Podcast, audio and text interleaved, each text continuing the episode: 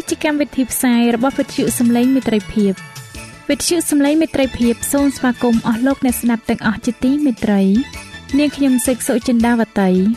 ហើយខ្ញុំបាទអង្ចាន់វិជ្ជៈក៏សូមស្វាគមន៍លោកអ្នកស្ដាប់ទាំងអស់ផងដែរនៅពេលនេះយើងខ្ញុំមានសេចក្តីសុំមនស្សរីករាយដោយបានវិលមកជួបអស់លោកអ្នកនាងកញ្ញាអ្នកស្ដាប់សាជាថ្មីម្ដងទៀត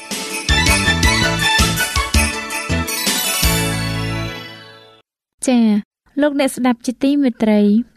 នាងខ្ញុំសូមគោរពអញ្ជើញអស់លោកលោកស្រីអ្នកនាងកញ្ញាតាមដានស្ដាប់កម្មវិធីផ្សាយរបស់វិទ្យុយើងខ្ញុំដូចតទៅ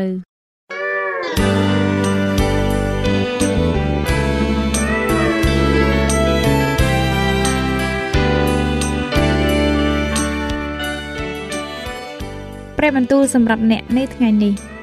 ព្រះគម្ពីរម៉ាថាយចំពុក7ខ1ដល់ខ2បានចែងថាកុំឲ្យថ្កោលទោសគេឡើយ ដើម្បីមិនឲ្យមានគេថ្កោលទោសអ្នកវិញត្បិតអ្នករាល់គ្នាថ្កោលទោសគេយ៉ាងណា នោះគេនឹងថ្កោលទោសអ្នកវិញយ៉ាងនោះដែរហើយគេនឹងវាល់ឲ្យអ្នករាល់គ្នាតាមរង្វាល់ដែលអ្នករាល់គ្នាឲ្យគេផង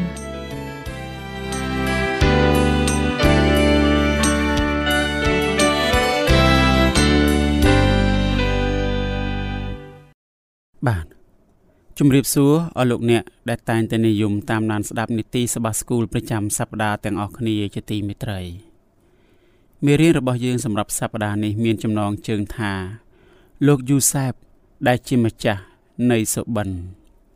សម្រាប់លោកអ្នកដែលចង់បានមេរៀននេះប្រើនៅលើទូរស័ព្ទដៃ Android លោកអ្នកអាចទាញយកបានតាមរយៈ Play Store ដោយវាយពាក្យថាខ្មែរសបាស្គូល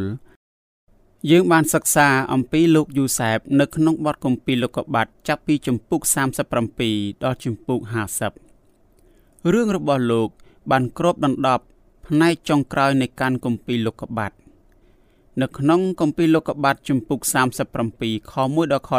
11យើងបានឃើញអំពីសបិនដែលលោកយូសែបមានជាលើកដំបូងនៅក្នុងស្រុកកាណាន ជាចុងក្រោយ ក្នុងគម្ពីរលោកុបាទជំពូក50ខ26 យើងបានឃើញអំពីការស្លាប់របស់គាត់នៅក្នុងស្រុកអេស៊ីបលោកយូសែបគឺជាមនុស្សដ៏សំខាន់ម្នាក់នៅក្នុងកានគម្ពីរលោកុបាទ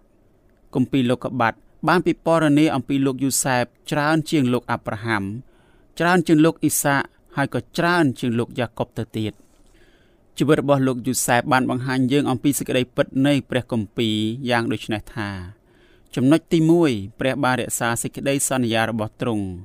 ចំណុចទី2 ព្រះអាចកែប្រែសេចក្តីអាក្រក់ទៅជាសេចក្តីល្អបានមេរៀនរបស់យើងនៅសប្តាហ៍នេះយើងនឹងក្រឡេកមើលនៅជីវិតដំបូងរបស់លោកយូសែបលោកយូសែបគឺជាកូនប្រុសសំណប់ចិត្តរបស់លោកយ៉ាកុបកូនប្រុសរបស់លោកយ៉ាកុបបានដាក់ងារឲ្យប្អូនប្រុសរបស់ពួកគេថាបាអាល់ហាខាឡូមុតដែលមានន័យថាអាមេសូបិនដែលពាក្យនេះជាភាសាហេប្រឺដំណើរនេះមានន័យថា ម្ចាស់នៃសុបិនដែលបានបង្ហាញយើងថាលោកយូសែបគឺជាអ្នកឯកទេសខាងសុបិនតំណែងនេះស័ក្តិសមនឹងលោកយូសែបជាទីបំផុត លោកយូសែបមិនត្រឹមតែបានយល់អំពីសុបិនដែលព្រះបានបង្ហាញដល់គាត់នោះឡើយគាត់ក៏បានបំពេញកិច្ចការជាមួយនឹងព្រះ ដើម្បីធ្វើឲ្យសេចក្តីសន្យាក្នុងសុបិននេះคล้ายទៅជាការពិតនៅក្នុងជីវិតរបស់គាត់ផងដែរជាការពិតណាស់ ព្រះនៅតែរក្សាសេចក្តីសន្យារបស់ទ្រង់ជានិច្ចទោះបីជាចិត្តរបស់មនុស្សមានពេញទៅដោយសេចក្តីអាក្រក់យ៉ាងណាក៏ដោយ នៅទីបំផុត លោកយ៉ាកុបបានតាំងទីលំនៅក្នុងទឹកដីកាណាន លោកអ៊ីសាគ្រាន់តែជាអ្នកដតីនៅក្នុងទឹកដីនោះតែប៉ុណ្ណោះប៉ុន្តែព្រះគម្ពីរបង្ហាញប្រាប់យើងថា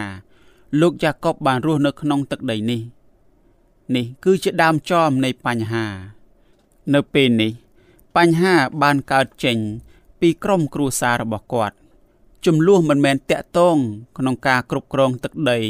ឬការប្រើប្រាស់អណ្ដូងនោះឡើយ តែជាចំនួនខាងឯវិញ្ញាណវិញលោកយូសែបបានកើតមក នៅពេលដែលលោកយ៉ាកុបមានវ័យចំណាស់ទៅហើយ យើងបានឃើញថា តាំងតែពីដើមមកលោកយូសែបនិងឪពុករបស់គាត់មានទំនាក់ទំនងជិតស្និទ្ធនឹងគ្នាជាខ្លាំងលោកយ៉ាកុប បានធ្វើអាវដ៏ធំវែងនិងស្រស់ស្អាតមួយ ជាអំណោយដល់លោកយូសែបជាកូនសំណប់ចិត្តរបស់ខ្លួនអាវធំនេះ គឺជាព្រះភូសា សម្រាប់ពួកបុត្រីស្ដេចដូច្នេះអាវធំនេះបានបង្ហាញយើងថា លោកយ៉ាកុបចង់លើកយូសែបឲ្យខ្ពស់ជាងកូនកូនដតីរបស់គាត់ លោកយ៉ាកុបចង់ឲ្យព្រះពរនៃកូនច្បងដល់លោកយូសែប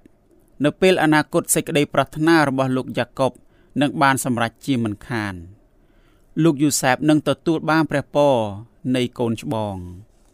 គ្មានអ្វីត្រូវឆ្ងល់ឡើយអស់លោកអ្នកទាំងអស់គ្នាតែបងបងរបស់លោកយូសែបបានច្រណែនហើយនឹងស្អប់ដល់លោកយូសែបជាខ្លាំងនោះ ពួកគេបានខឹងនឹងលោកយូសែបជាខ្លាំងរហូតដល់ពួកគេមិនអាចនិយាយពាក្យល្អល្អទៅកាន់គាត់បានឡើយលើសពីនេះទៅទៀតលោកយូសែបបានទូលពិតលោកយ៉ាកុបអំពីពួកបងបងរបស់គាត់ រាល់ពេលដែលបងបងគាត់បានធ្វើមិនត្រឹមត្រូវលោកយ៉ាកុបតែងតែរត់ទៅប្រាប់ឪពុករបស់គាត់ជានិច្ចគ្មានអ្នកណាម្នាក់ចូលចិត្តអ្នកដែលយករឿងរបស់គេទៅប្រាប់អ្នកដទៃនោះឡើយ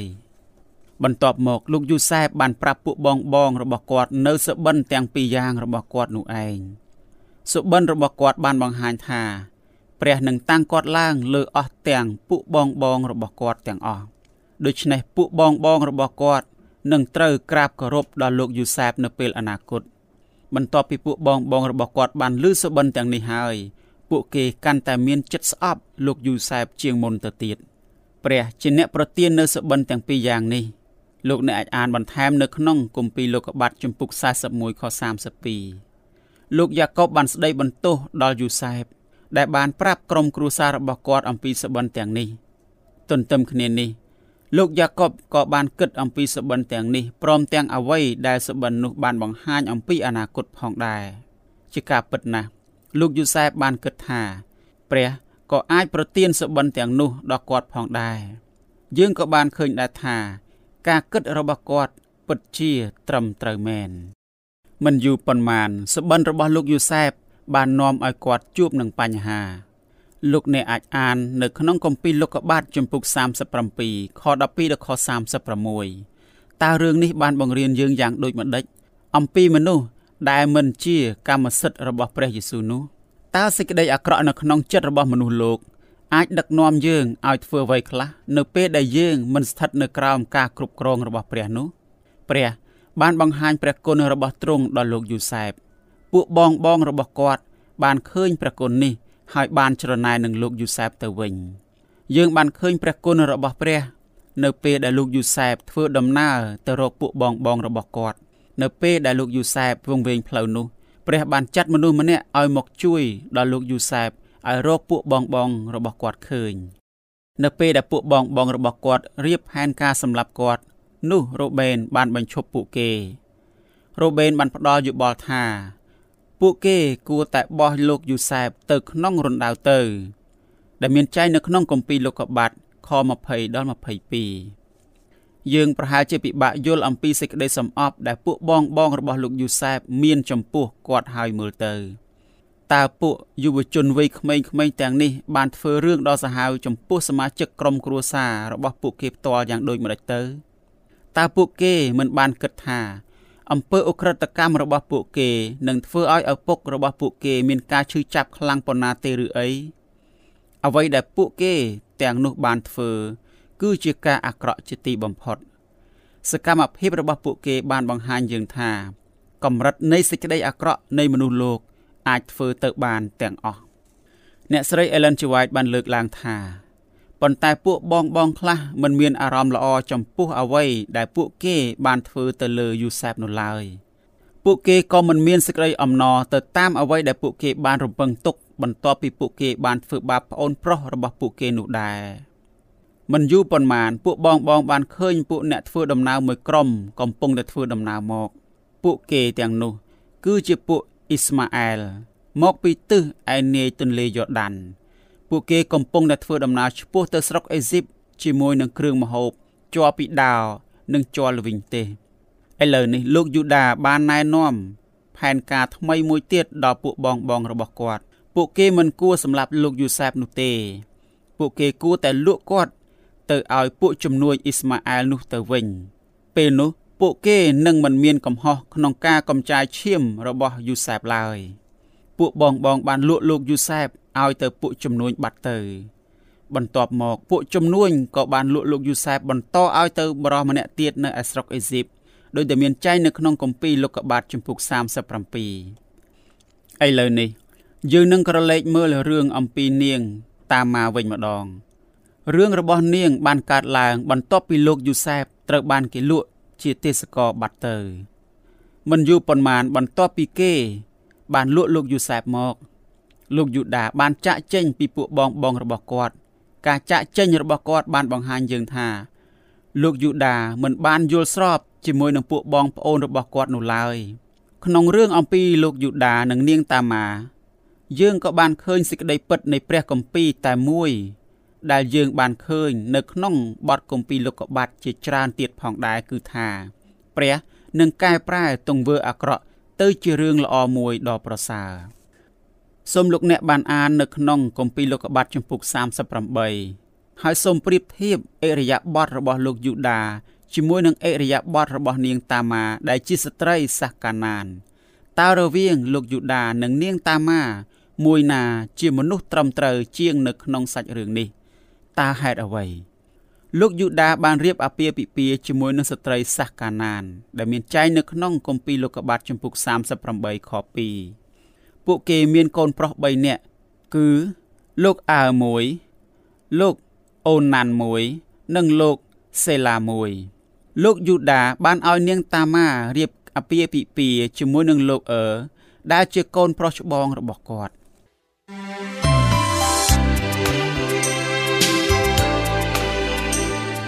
សេចក្តីជំនឿកើតឡើងដោយលឺហើយដែលលឺនោះគឺដោយសារព្រះបន្ទូលនៃព្រះ តាមរយៈវិទ្យុសំឡេងមិត្តភាព AWR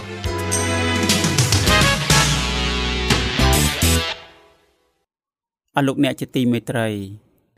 ប៉ុន្តែលោកអឺនិងលោកអូណាន់ត្រូវបានព្រះសម្លាប់ដោយសារតែពួកគេអាក្រក់ជាទីបំផុត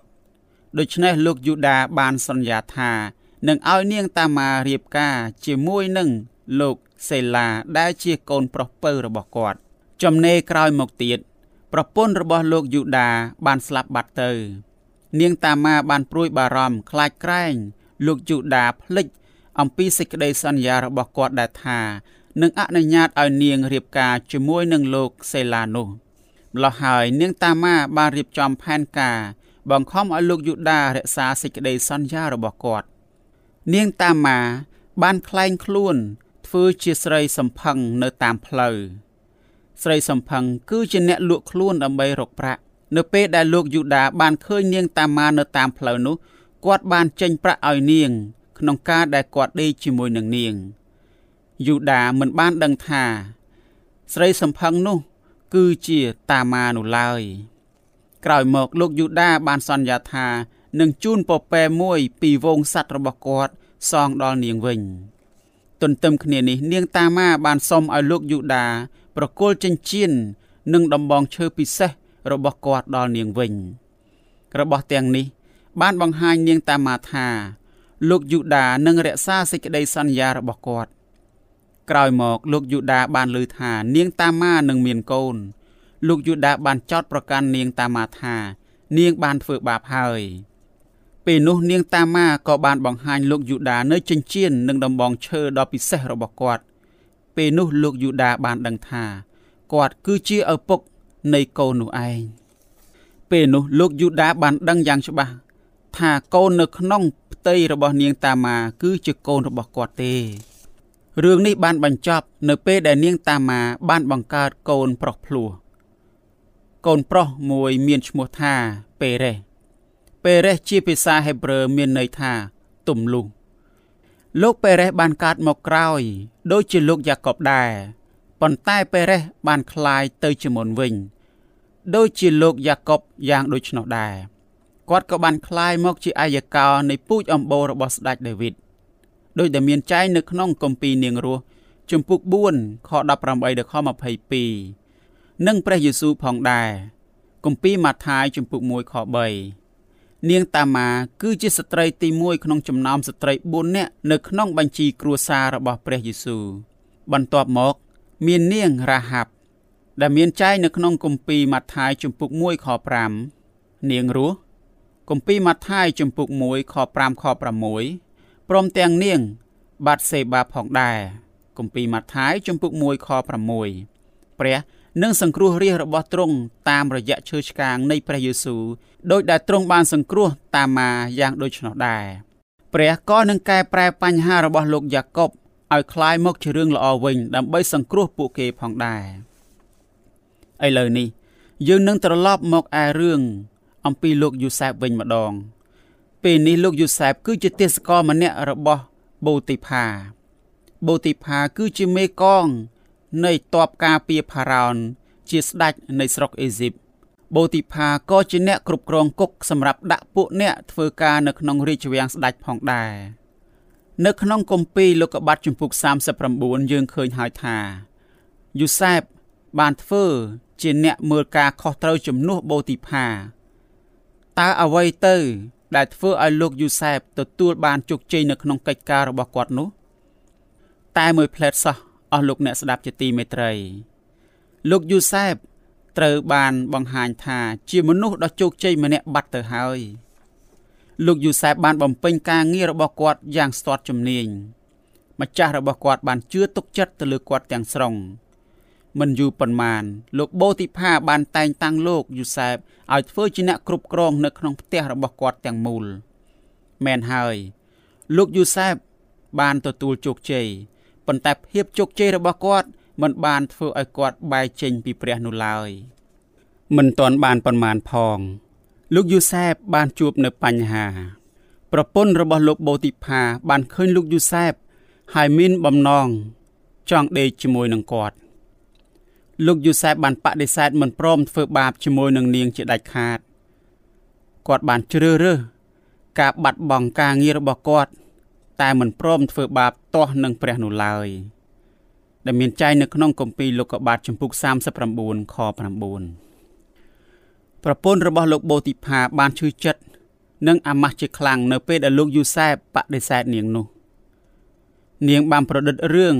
មិនពិតមួយអំពីលោកយូសែបប្រាប់ដល់ពួកបាបម្រើរបស់នាងរួមទាំងប្តីរបស់នាងផងដែរ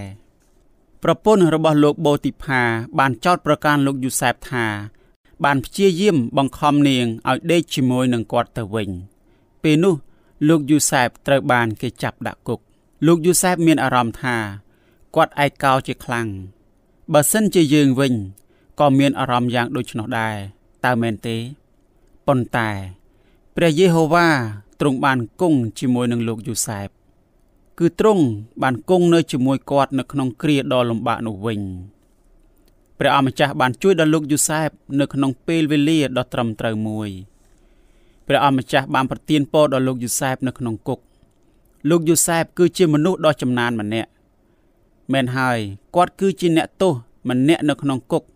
ប៉ុន្តែលោកយូសែបបានចំណាយពេលដ៏ល្អបំផុតរបស់គាត់នៅទីនោះ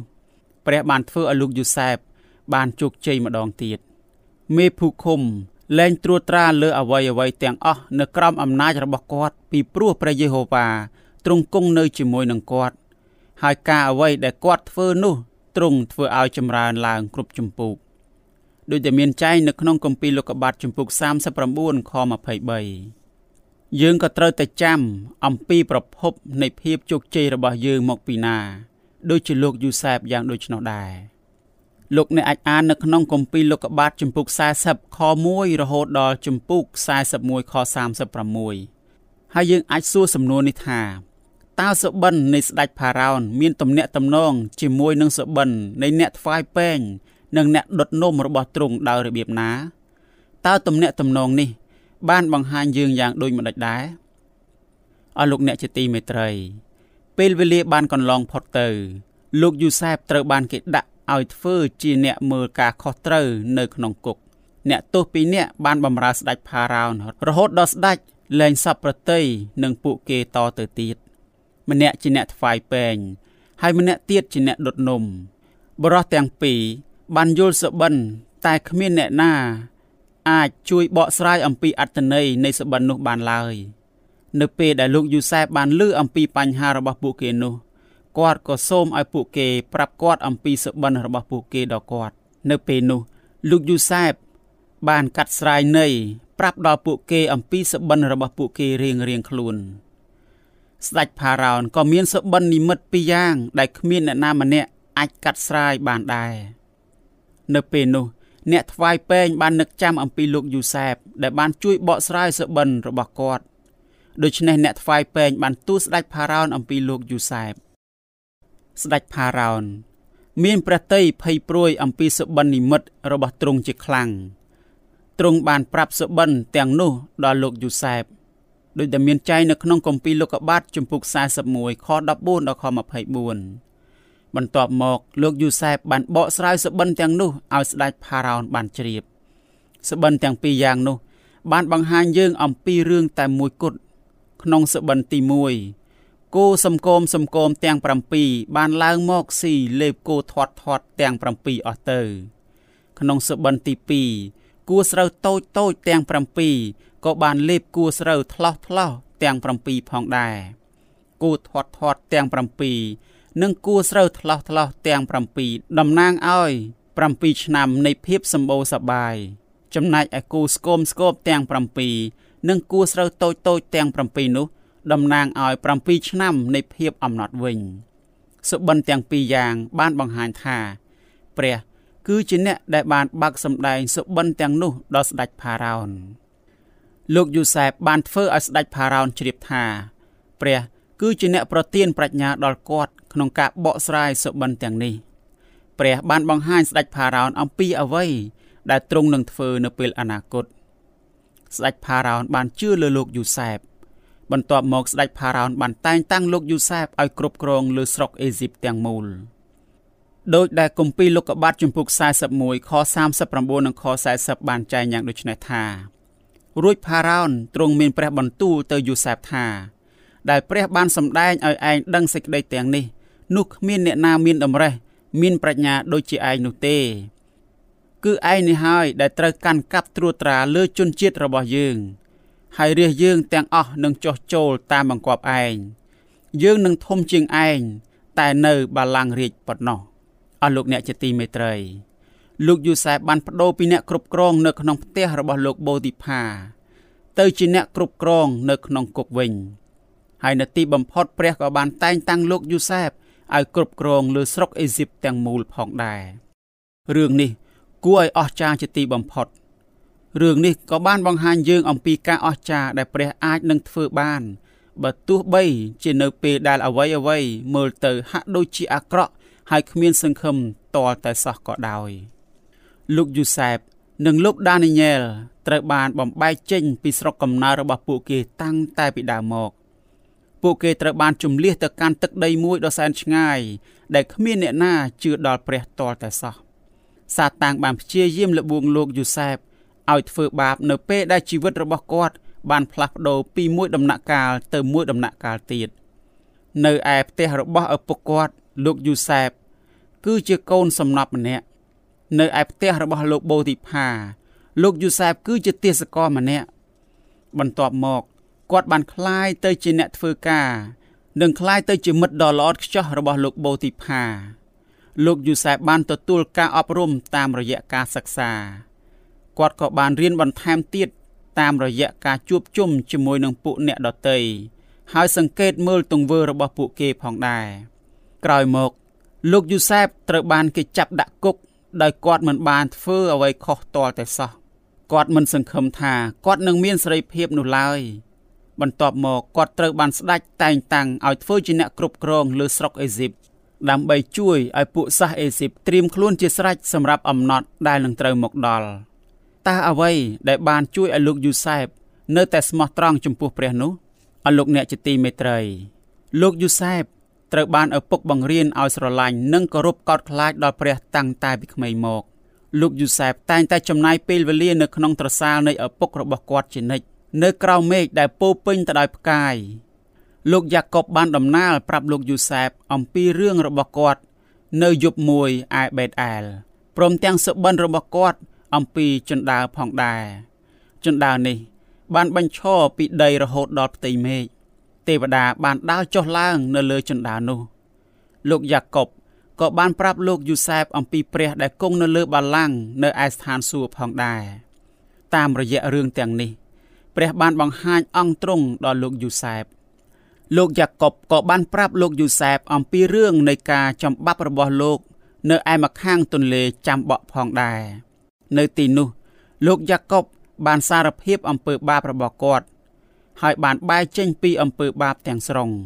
បន្ទាប់មក ព្រះបានជួយឲ្យគាត់យកឈ្នះអំពើបាបនៃអតីតកាលរបស់គាត់ព្រមទាំងបានប្រទានតំណែងដ៏ពិសេសដល់គាត់ផងដែរ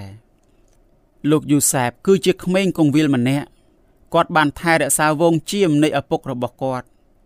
ជីវិតរបស់គាត់នៅក្នុងនាមជាអ្នកកងវិលជៀមបានជួយឲ្យគាត់រឹងមាំទាំងផ្លូវកាយនិងផ្លូវចិត្ត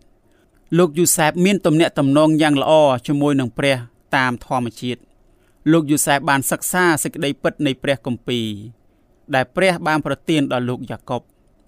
រឿងទាំងអស់បានជួយឲ្យលោកយូសែបរឹងមាំខាងឯផ្នែកចិត្តនិងគំនិតគាត់បានស្មោះត្រង់ជាមួយនឹងសេចក្តីបង្គាប់របស់ព្រះជាម្ចាស់ អ្នកស្រី Ellen G. White បានលើកឡើងថា ក្នុងអំឡុងពេលនៃដំណើរដ៏តក់ស្លុតដែលលោកយូសែបធ្វើដំណើរទៅកាន់ស្រុកអេស៊ីបនោះ លោកយូសែបបាននឹកចាំអំពីព្រះនៃឪពុករបស់គាត់ខណៈពេលដែលគាត់កំពុងតែគិតអំពីព្រះ លោកយូសែបក៏បានក្រឡេកមើលទៅឯភ្នំ ដែលបានបាំងត្រសាលគ្រួសាររបស់គាត់ពីភ្នែករបស់គាត់ជាលើកចុងក្រោយផងដែរ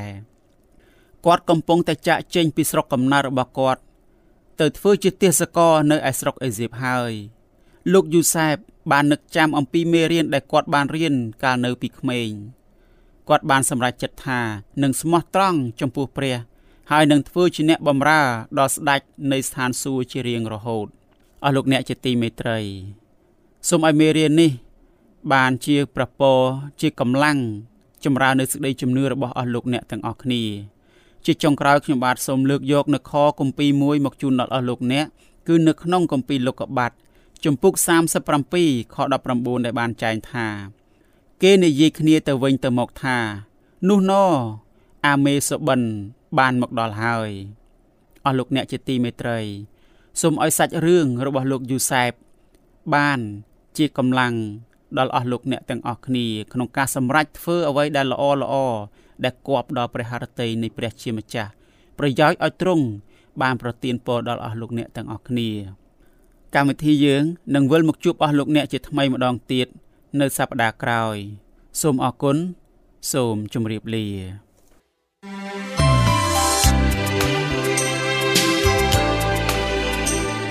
វិទ្យុសំឡេងមេត្រីភាព AWR មានផ្សាយពីរដងក្នុងមួយថ្ងៃគឺព្រឹកនៅម៉ោង6និងពេលយប់ នៅម៉ោង8